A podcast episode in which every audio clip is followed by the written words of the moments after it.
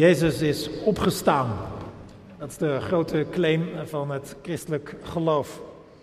Jezus is opgestaan uit de dood en leeft voor altijd. Dat is misschien wel de meest opzienbarende claim van het christelijk geloof. Want dat is natuurlijk nogal wat om te beweren. Dat Jezus niet zomaar iemand is die geleefd heeft, maar die na een bloedige dood aan het kruis weer uit het graf is opgestaan en voor altijd leeft.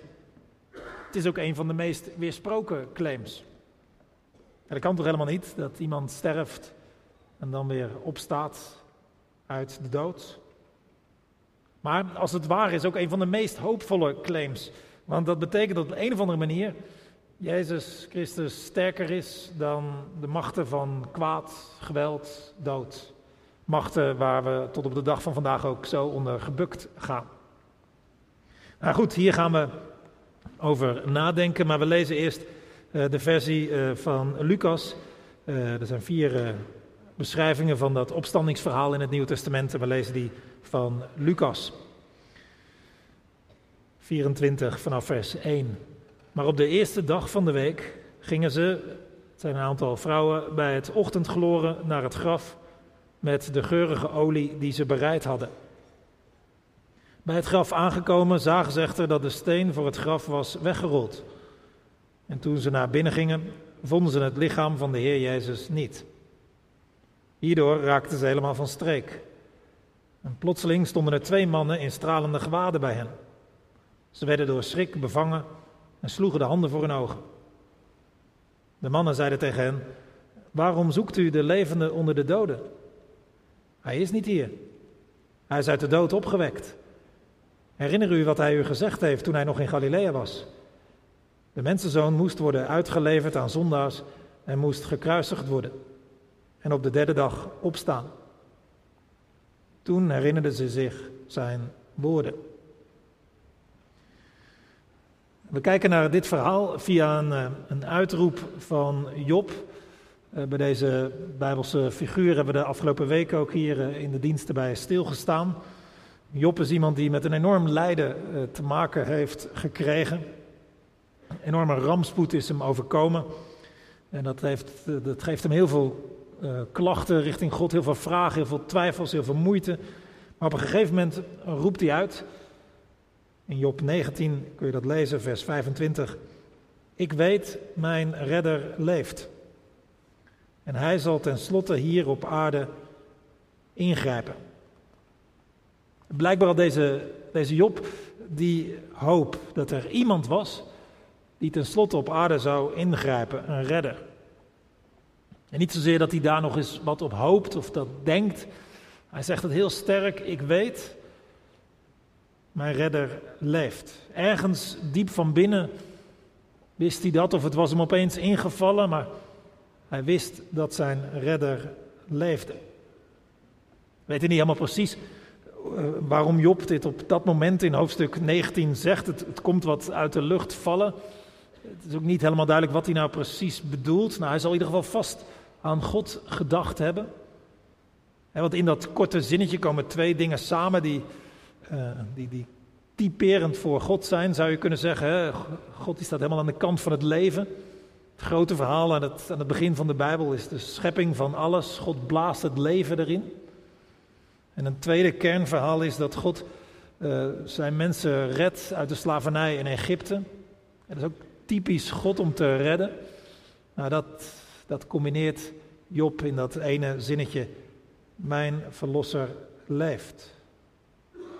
Het is niet helemaal duidelijk dat hij dan hoopt, denkt dat, dat God in zijn leven zal ingrijpen. Voor hem persoonlijk of, of meer, in het, meer in het algemeen of, of, of meer in de toekomst. Dat soort kosmisch ingrijpen van God zal zijn op de aarde, waardoor alles weer recht gezet wordt. Het is allemaal niet zo duidelijk waar Job precies aan dacht, maar hij roept het wel uit. Ik weet, mijn redder leeft. En dat zinnetje zou je ook als conclusie kunnen nemen van het hele paasverhaal. Een redder. En zo was Jezus al aangekondigd rondom zijn geboorte. Vandaag is jullie redder geboren, klinkt het in het kerstverhaal. En ook, uh, dat komt steeds weer terug, dat Jezus een, een redder is en zo ook wordt gezien en zichzelf ook zo noemt en genoemd wordt. zelfs de redder van de wereld. En die benaming die maakt hij ook waar tijdens zijn rondwandeling op de aarde. Want Jezus redt allerlei mensen van hun blindheid of van hun schuld, van een leeg en zinloos bestaan. Hij redt mensen uit de goot, hij redt mensen uit uitzichtloze situaties, hij verlost mensen van van alles en nog wat. Maar ja, dan, lijkt het toch op niks uit te lopen met die reddende Jezus, want hij wordt gevangen genomen en in een warrig proces veroordeeld tot de doodstraf. En tussen twee misdadigers wordt hij gekruisigd. Anderen heeft hij gered, maar zichzelf redden kan hij niet. Klinkt het dan spottend. En dan sterft Jezus op 33-jarige leeftijd, wordt in een graf gelegd, stenen voor, over en uit, zou je denken. En als dat het was, dan had Jezus in een lange rij van mensen gestaan die, die, die echt heel veel goeds hadden gedaan, die, die meer ten bate van mensen hadden gedaan dan ten koste van mensen hadden geleefd. Maar die toch uiteindelijk hetzelfde eindigde als iedereen. Dood. En de volgelingen van Jezus, die, die, ja, die, die denken dat het over is. Die zijn verslagen, verdrietig, al een hoop stuk geslagen. Ze hadden gegokt op Jezus en verloren hun dromen in scherven. En ze waren weer aan zichzelf overgelaten. Nou ja, daar, daar, lijkt het zo een beetje te eindigen. Uh, Lucas 23 bijvoorbeeld, dat het dan het verhaal over is. Maar opeens gaat het verhaal verder. Een verrassing, zou je kunnen zeggen, een plotwending van je welste, waardoor alles in een ander licht komt te staan. Jezus staat op uit de dood. De dood kan hem niet vasthouden. Hij staat op. En daarmee is hij dus gelijk anders dan al die andere mensen die ook zoveel goeds hadden gedaan, die, verlossend bezig waren geweest zelfs. Is hij zelfs anders dan de mensen met de meeste impact. Bijvoorbeeld iemand als Mozes die de, Egypte, de Israëlieten eh, verloste van de slavernij in Egypte. Of iemand als Mandela voor de zwarte bevolking van Zuid-Afrika die hem verloste van de apartheid. Maar, maar niemand zal, zou claimen dat Mozes of Mandela of iemand anders uit de geschiedenis je nog steeds kan redden van een vijand of verlossen van een of ander kwaad. En dat maakt alles anders bij Jezus, want van hem wordt dat wel geclaimd. In de woorden van Job, ik weet, mijn verlosser leeft. Dat, dat zinnetje van Job, dat, dat, daar zit nog een idee achter, namelijk het idee van een, een, een losser. Zo, zo werd dat genoemd in die, die tijden. Dat is iemand die voor je instond als je helemaal aan de grond was geraakt. Bijvoorbeeld door een onbetaalbare schuldenlast. Dan kon zo'n losser naar voren stappen, voor je instaan, je te hulp komen en, en bijvoorbeeld je verlossen van je schuld, die je zelf nooit meer kon afbetalen. Nou, zo, zo, zo'n soort losser was God ook vaak geweest voor zijn mensen. Was hij ook voor hen ingestaan en te hulp gekomen en had hij zo hen verlost van gevangenschap of een schuld of een vijand of wat dan ook. Maar als we dan daarop doordenken en dan bedenken wat betekent dat dan voor ons? Hè? We, waar hebben wij iemand voor nodig die voor ons instaat? Waar zouden wij van verlost moeten worden? waar hebben jij en ik en de mensen die we tegenkomen nou redding bij nodig? Ik was deze week bij een studentengroep eh, te gast en uh, daar, uh, daar ging het ook over dit thema, verlossing. ik vroeg aan het eind van de avond, nou ja, het is misschien een goed idee om af te sluiten met een gebed. En, en hebben jullie dingen waar, waarvan je weet dat, dat mensen in vastzitten? Waar mensen verlossing van nodig hebben? Nou ja, het ratelde. Allerlei mensen staken hun vinger op. Psychische problematiek, stress, prestatiedruk, ziekte. Wereldwijde dingen werden genoemd: mensenhandel, Oekraïne, vervolgde christenen. Allerlei dingen. En mensen vandaag de dag in vast zijn komen te zitten. Mensen zoals jij en ik, mensen dichtbij, mensen ver weg. En als je de Bijbel erop na zou slaan, dan zou je nog een heel aantal dingen erbij kunnen noemen die, waar mensen vast in zijn komen te zitten. Schuld, ziekte, klem, gebukt, belast. Niet meer los kunnen komen, hè? Die, die, die, waar ze verlossing van nodig hebben, van hun sterfelijkheid, van hun zonde, van het kwaad, van demonische krachten en machten. En al die dingen zijn er nog steeds. In een meer of mindere mate kun je er last van hebben. Ik weet niet of je daar last van hebt. Of anderen ziet die er last van hebben. En misschien kom je daar ooit nog. Maar het goede nieuws van Paas is dan dat er een redder is die leeft. Die voor je in kan en wil staan. En waar je een beroep op kunt doen. Wat je nood ook is of wat je nood ook ooit wordt. Hè? Een beroep op kunt doen voor jezelf of anderen. En, en dat, dat verklaart ook de vreugde die er is hè? in Lucas en ook in de andere evangeliën die schrijven over Jezus' opstanding. Dat, het breekt opeens alles open dat Jezus niet meer dood is. Maar de dood heeft overwonnen en leeft. Maar dat stelt dat er iemand is die op kan tegen die machten van ziekte, dood, geweld, kwaad. En noem al die dingen maar op waar wij in vast kunnen komen te zitten. Goddank is er een verlosser die leeft. Dat is het goede nieuws van Pasen.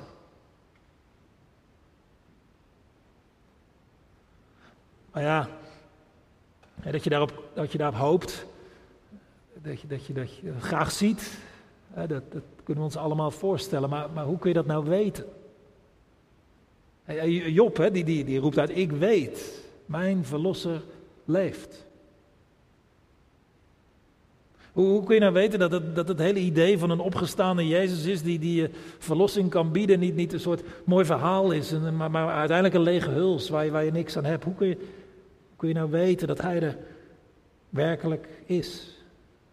En dat Hij zo is, als een levende verlosser. Nou, dat, is niet, dat is niet een kwestie van een som die eens een keer uitgelegd moet worden waar, waarna je het weet. Het is ook niet een kwestie van afdoende wetenschappelijk bewijs eh, verzamelen waardoor je het weet. Het is ook niet zo dat je er een bepaald goedgelovig type voor moet zijn, zodat je het kunt weten. Het is ook niet maar alleen maar een kwestie van gevoel. Nee. Het is meer als een soort ontdekking die je kunt doen. Iets wat je door ervaring bij erachter komt dat het zo is. Nou, hoe gaat dat dan? Hoe werkt dat? Ah, gaat op heel veel verschillende manieren. Dat, dat, niet dat het bij iedereen anders gaat, maar dat, dat kan wel op allerlei manieren gaan dat mensen het opeens ontdekken. Dat het zo is. Eh, soms, soms uit, uit het niets schijnbaar, hè, zoals bij Job. Je, je denkt, waar haalt hij het vandaan? Want hij zit te klagen en te vragen en bijna te schelden richting God en hij is boos. En, en opeens, ik weet, mijn verlosser leeft. Was het een ingeving van boven? Was het iets wat er diep verborgen lag in zijn hart? Dat weet je niet. Maar het was er opeens. Maar bij anderen gaat het meer zoals bij die, bij die vrouwen die aan het graf komen. Opeens is er een bovennatuurlijke verschijning van engelen. Iets wonderlijks, iets onverklaarbaars. Zo kan het gaan.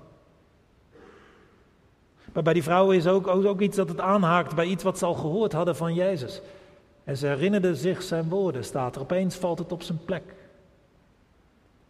Zo, zo ging het ook bij die, bij die mensen, die, die twee uh, Emmausgangers, zo worden ze genoemd. Ze, ze, vertrokken uit Jeruzalem en teleurgesteld uh, over de dood van Jezus vertrekken ze en opeens loopt er iemand met hen mee en die geeft hen een soort college Oude Testament en, en opeens valt alles op zijn plek als ze samen met diegene aan de maaltijd zitten. En ze weten het. Jezus leeft. Nooit aan gedacht. Geen rekening mee gehouden, maar ze weten het.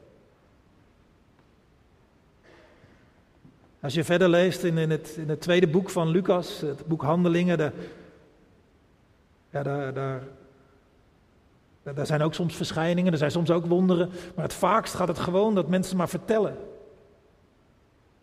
Wat ze weten van Jezus, zijn lijden en sterven en zijn opstanding. En, en allerlei mensen beginnen te geloven. Die ontdekken het, die weten het opeens, die geloven het.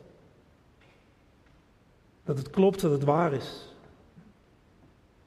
En misschien is het bij jou ook al op een van deze manieren gegaan dat je denkt, ja, bij mij is er ook ooit iets wonderlijks gebeurd en toen is er iets in gang gezet. Of het begon met een bepaalde, bepaalde zoektocht en ik verbaasde me en ik ging verder zoeken en ik vond het. Of ik hoorde iemand er zo over vertellen en ik dacht, ja, dat, dat, dat is gewoon waar. Of misschien ging het op nog weer een andere manier. Maar het gaat lang niet altijd zo natuurlijk. er zijn mensen die, die diep lijden, net als Job, schreeuwen, roepen en niks ontdekken. Er zijn mensen die heel trouw kerkdiensten bezoeken of, of, of in de Bijbel lezen en onderzoek doen en studeren en het niet ontdekken. Krijg je niet rond. Waarom sommige mensen het weten en anderen niet. Ergens blijft dat een raadsel.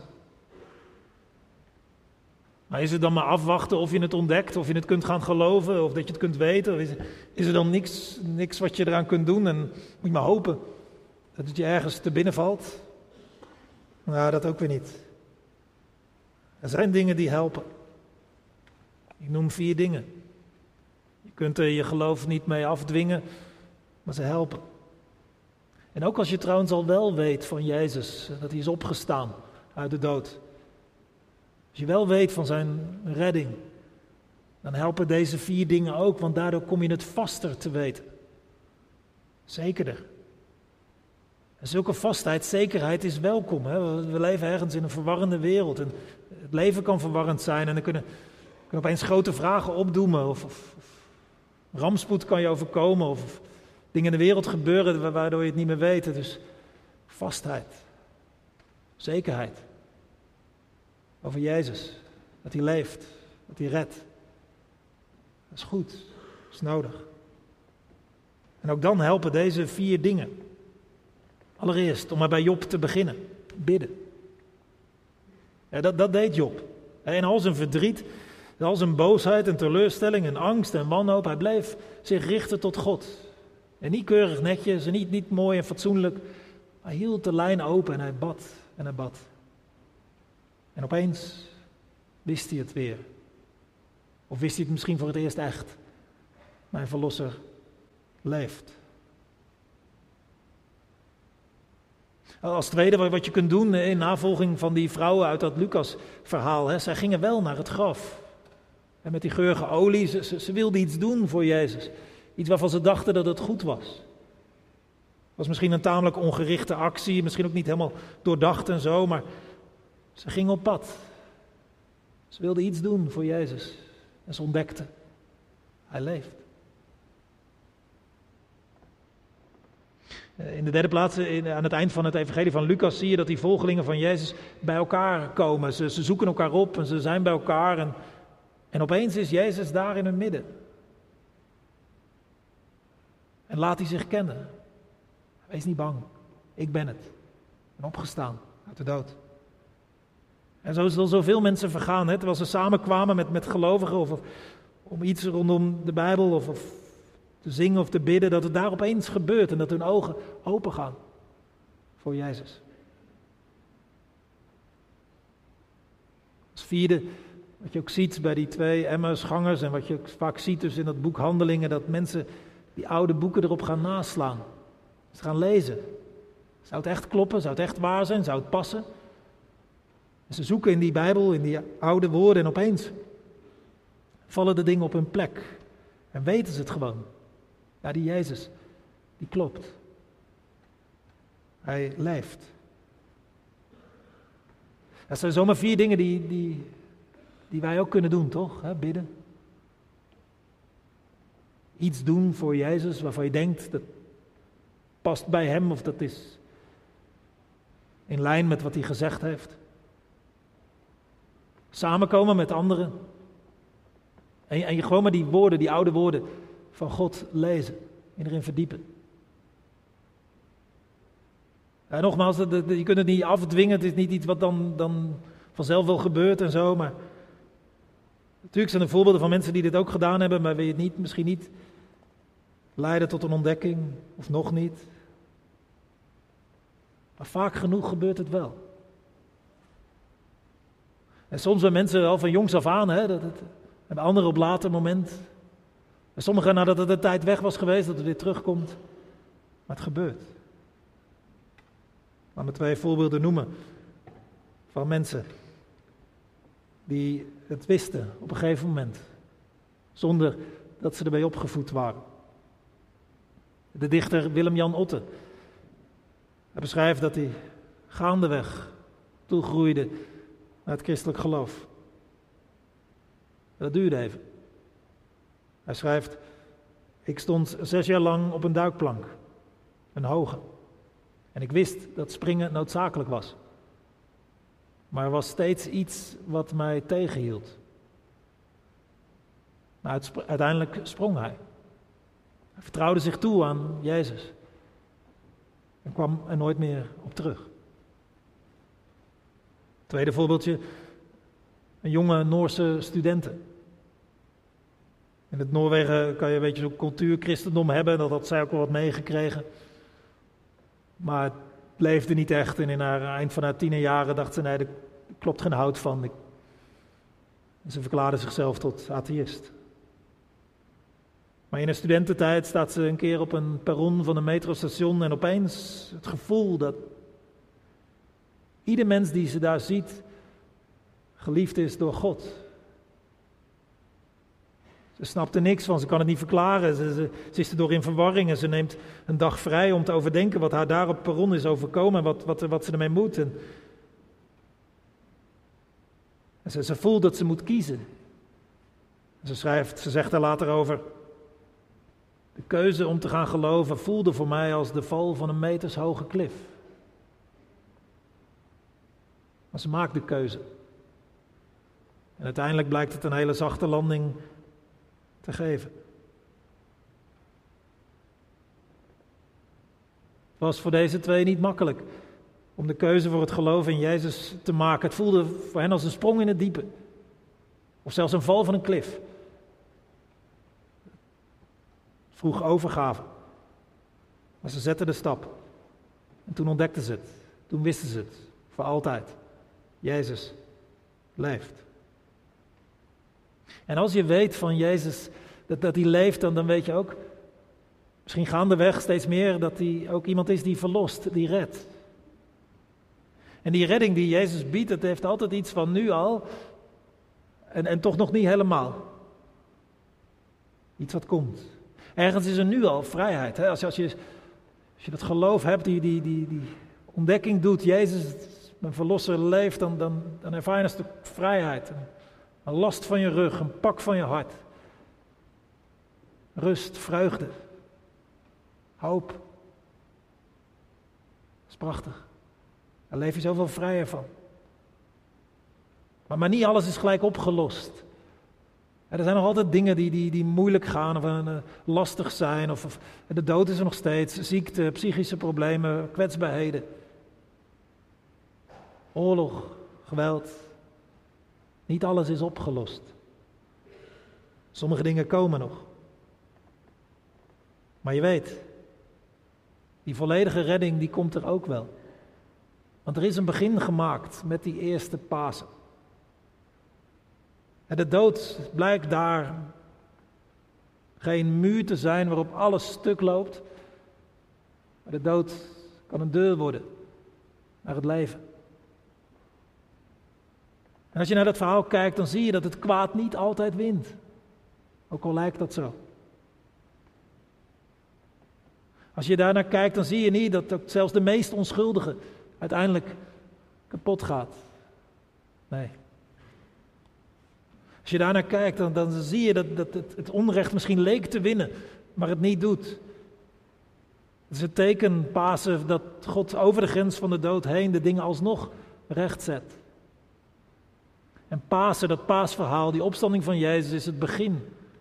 Het grote begin, de grote basis voor de hoop. Dat alles verlost wordt. Gered wordt. Dat het goed gaat komen. Ik weet niet op welk vlak je graag redding of verlossing ziet. Nu al bij jezelf of bij een ander, ergens in de wereld. Dat het als het over verlossing gaat, je, je, uitziet naar wat, wat nog komen gaat, dat het helemaal goed komt.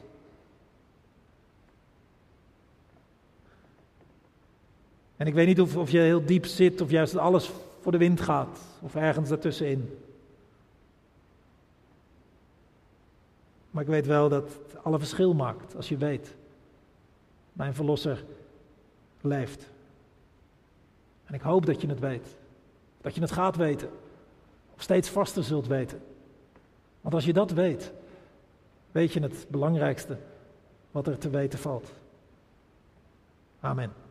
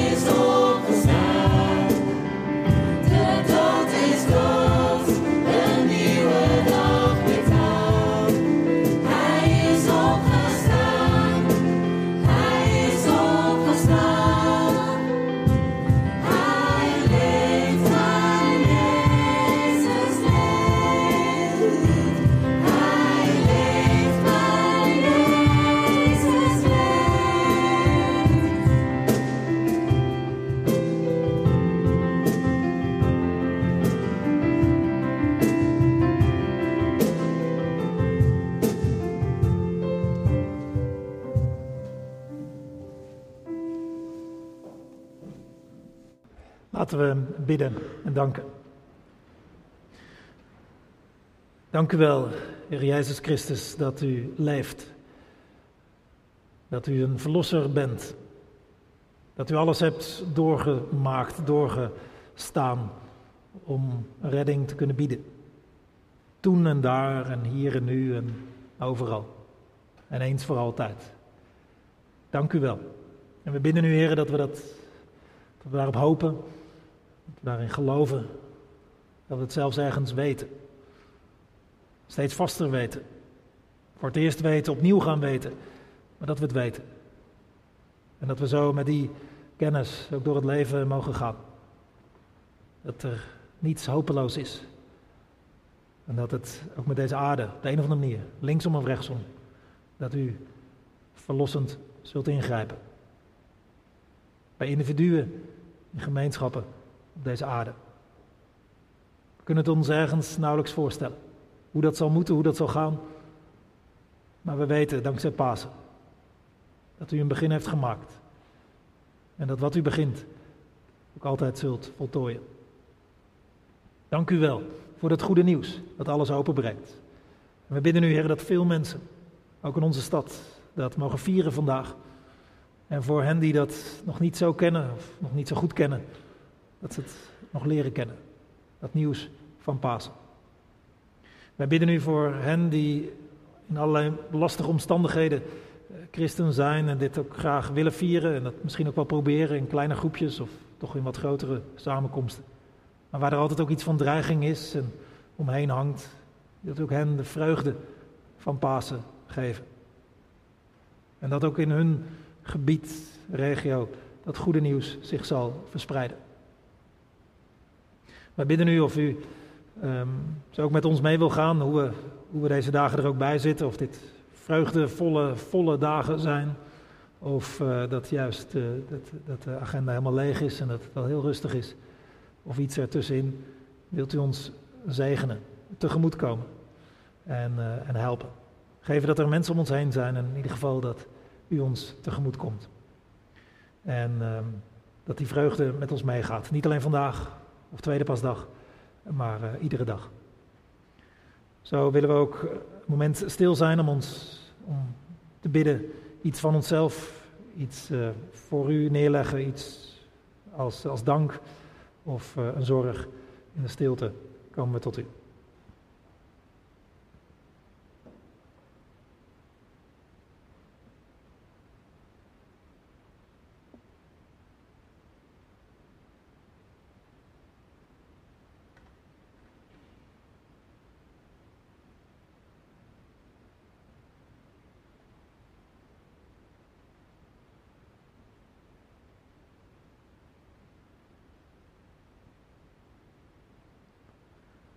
Hoor ze ons bidden en neem onze dank aan in Jezus' naam. Amen.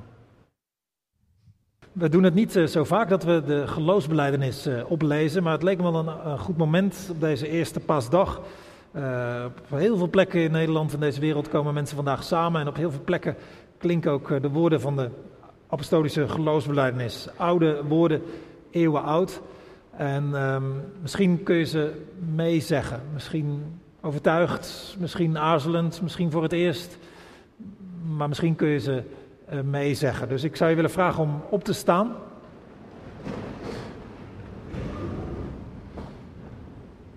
En um, ook dat hebben we nooit gedaan, maar dat kunnen wij. Je kunt ze meezeggen. Met mij mee, de woorden meelezen. Je mag ze ook uh, uh, ernaar luisteren, maar ik wil je uitnodigen om het mee te zeggen. Deze woorden. Ik geloof in God de Vader, de Almachtige, Schepper van hemel en aarde.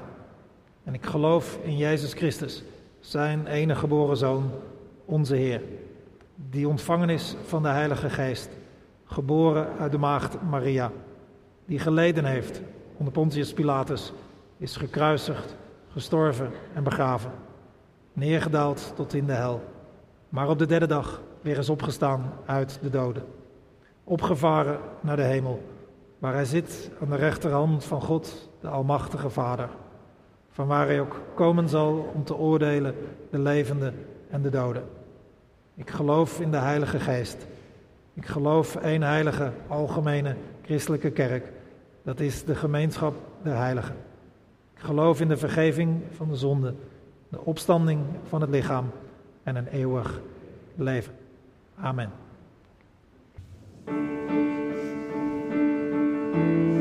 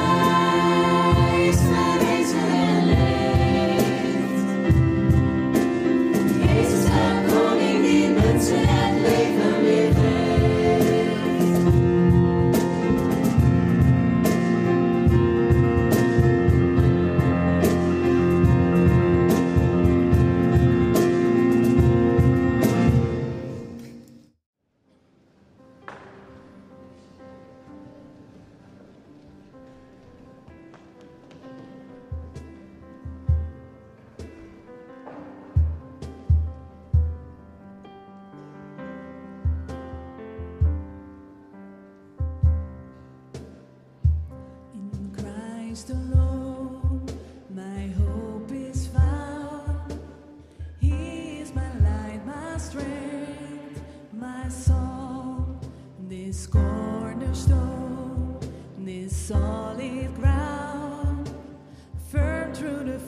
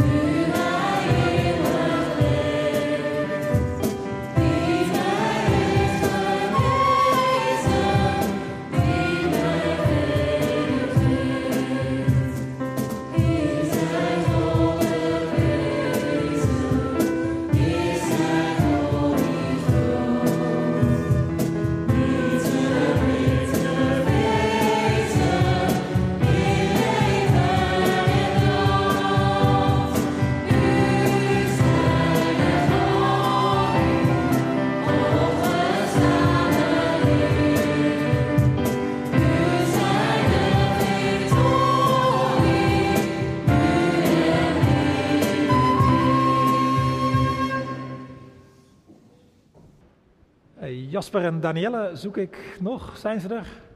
Ja, heel goed. Die eh, gaan ons nog even bedanken, denk ik. Hè? Ja, goedemorgen allemaal. Eh, Jasper is helaas thuis, want gisteren hadden we een verjaardagsfeestje van eh, onze dochter. Het was haar eerste feestje in Nederland, Ehm, dus die ligt nog lekker te slapen. Ehm, dus daarom de dankwoorden namens ons als gezin. We willen jullie enorm bedanken voor alle medeleven in de tijd dat wij in Papua Nieuw-Guinea hebben gewoond. En eh, met jullie hebben we een verschil kunnen maken daar. En ehm, dat zit in gebed. Dat zat in de oliebollenactie, waardoor we een eh, naaiproject met vrouwen konden beginnen. En eh, namens de community daar, namens ons als gezin, enorm, enorm bedankt. En eh, in de Waalse kerk over twee weken, daar eh, zullen we nog eh, het een en ander vertellen. Dus mocht je het leuk vinden, dan, eh, nou, welkom. Precies, dat applaus is er om eh, eh, te zeggen dat wij heel graag jullie hebben gesteund. Eh, veel zegen ook in eh Krimp van IJssel, waar jullie verder gaan. Papua, Krimp van IJssel, ik zie verschil, maar ik hoop dat jullie ook daar tot zegen zullen zijn. Over twee weken Waalse Kerk, eh, eh, half acht, daar meer daarover. Voor nu, eh, straks koffie, thee. Welkom om nog even na te blijven praten. Rechts achterin als je nieuw bent of nieuwe mensen even wil spreken of wat informatie wil. Links achterin als je iets eh, wilt bidden, iets voor jezelf of voor een ander. Dan zijn daar mensen voor. Voor nu, voor de komende eh, paasdagen, maar ook daarna, ga je niet van hier zonder de zegen van de Heer. De Heer zij voor je om de weg te wijzen. De Heer is naast je om met je mee te gaan van stap tot stap. Hij zij onder je om je op te vangen als je struikelt. Rondom je om je te beschermen tegen de boze. In je om je te troosten. En boven je om je te zegenen. En zo zegenen de Heer vandaag, morgen en voor altijd. Amen.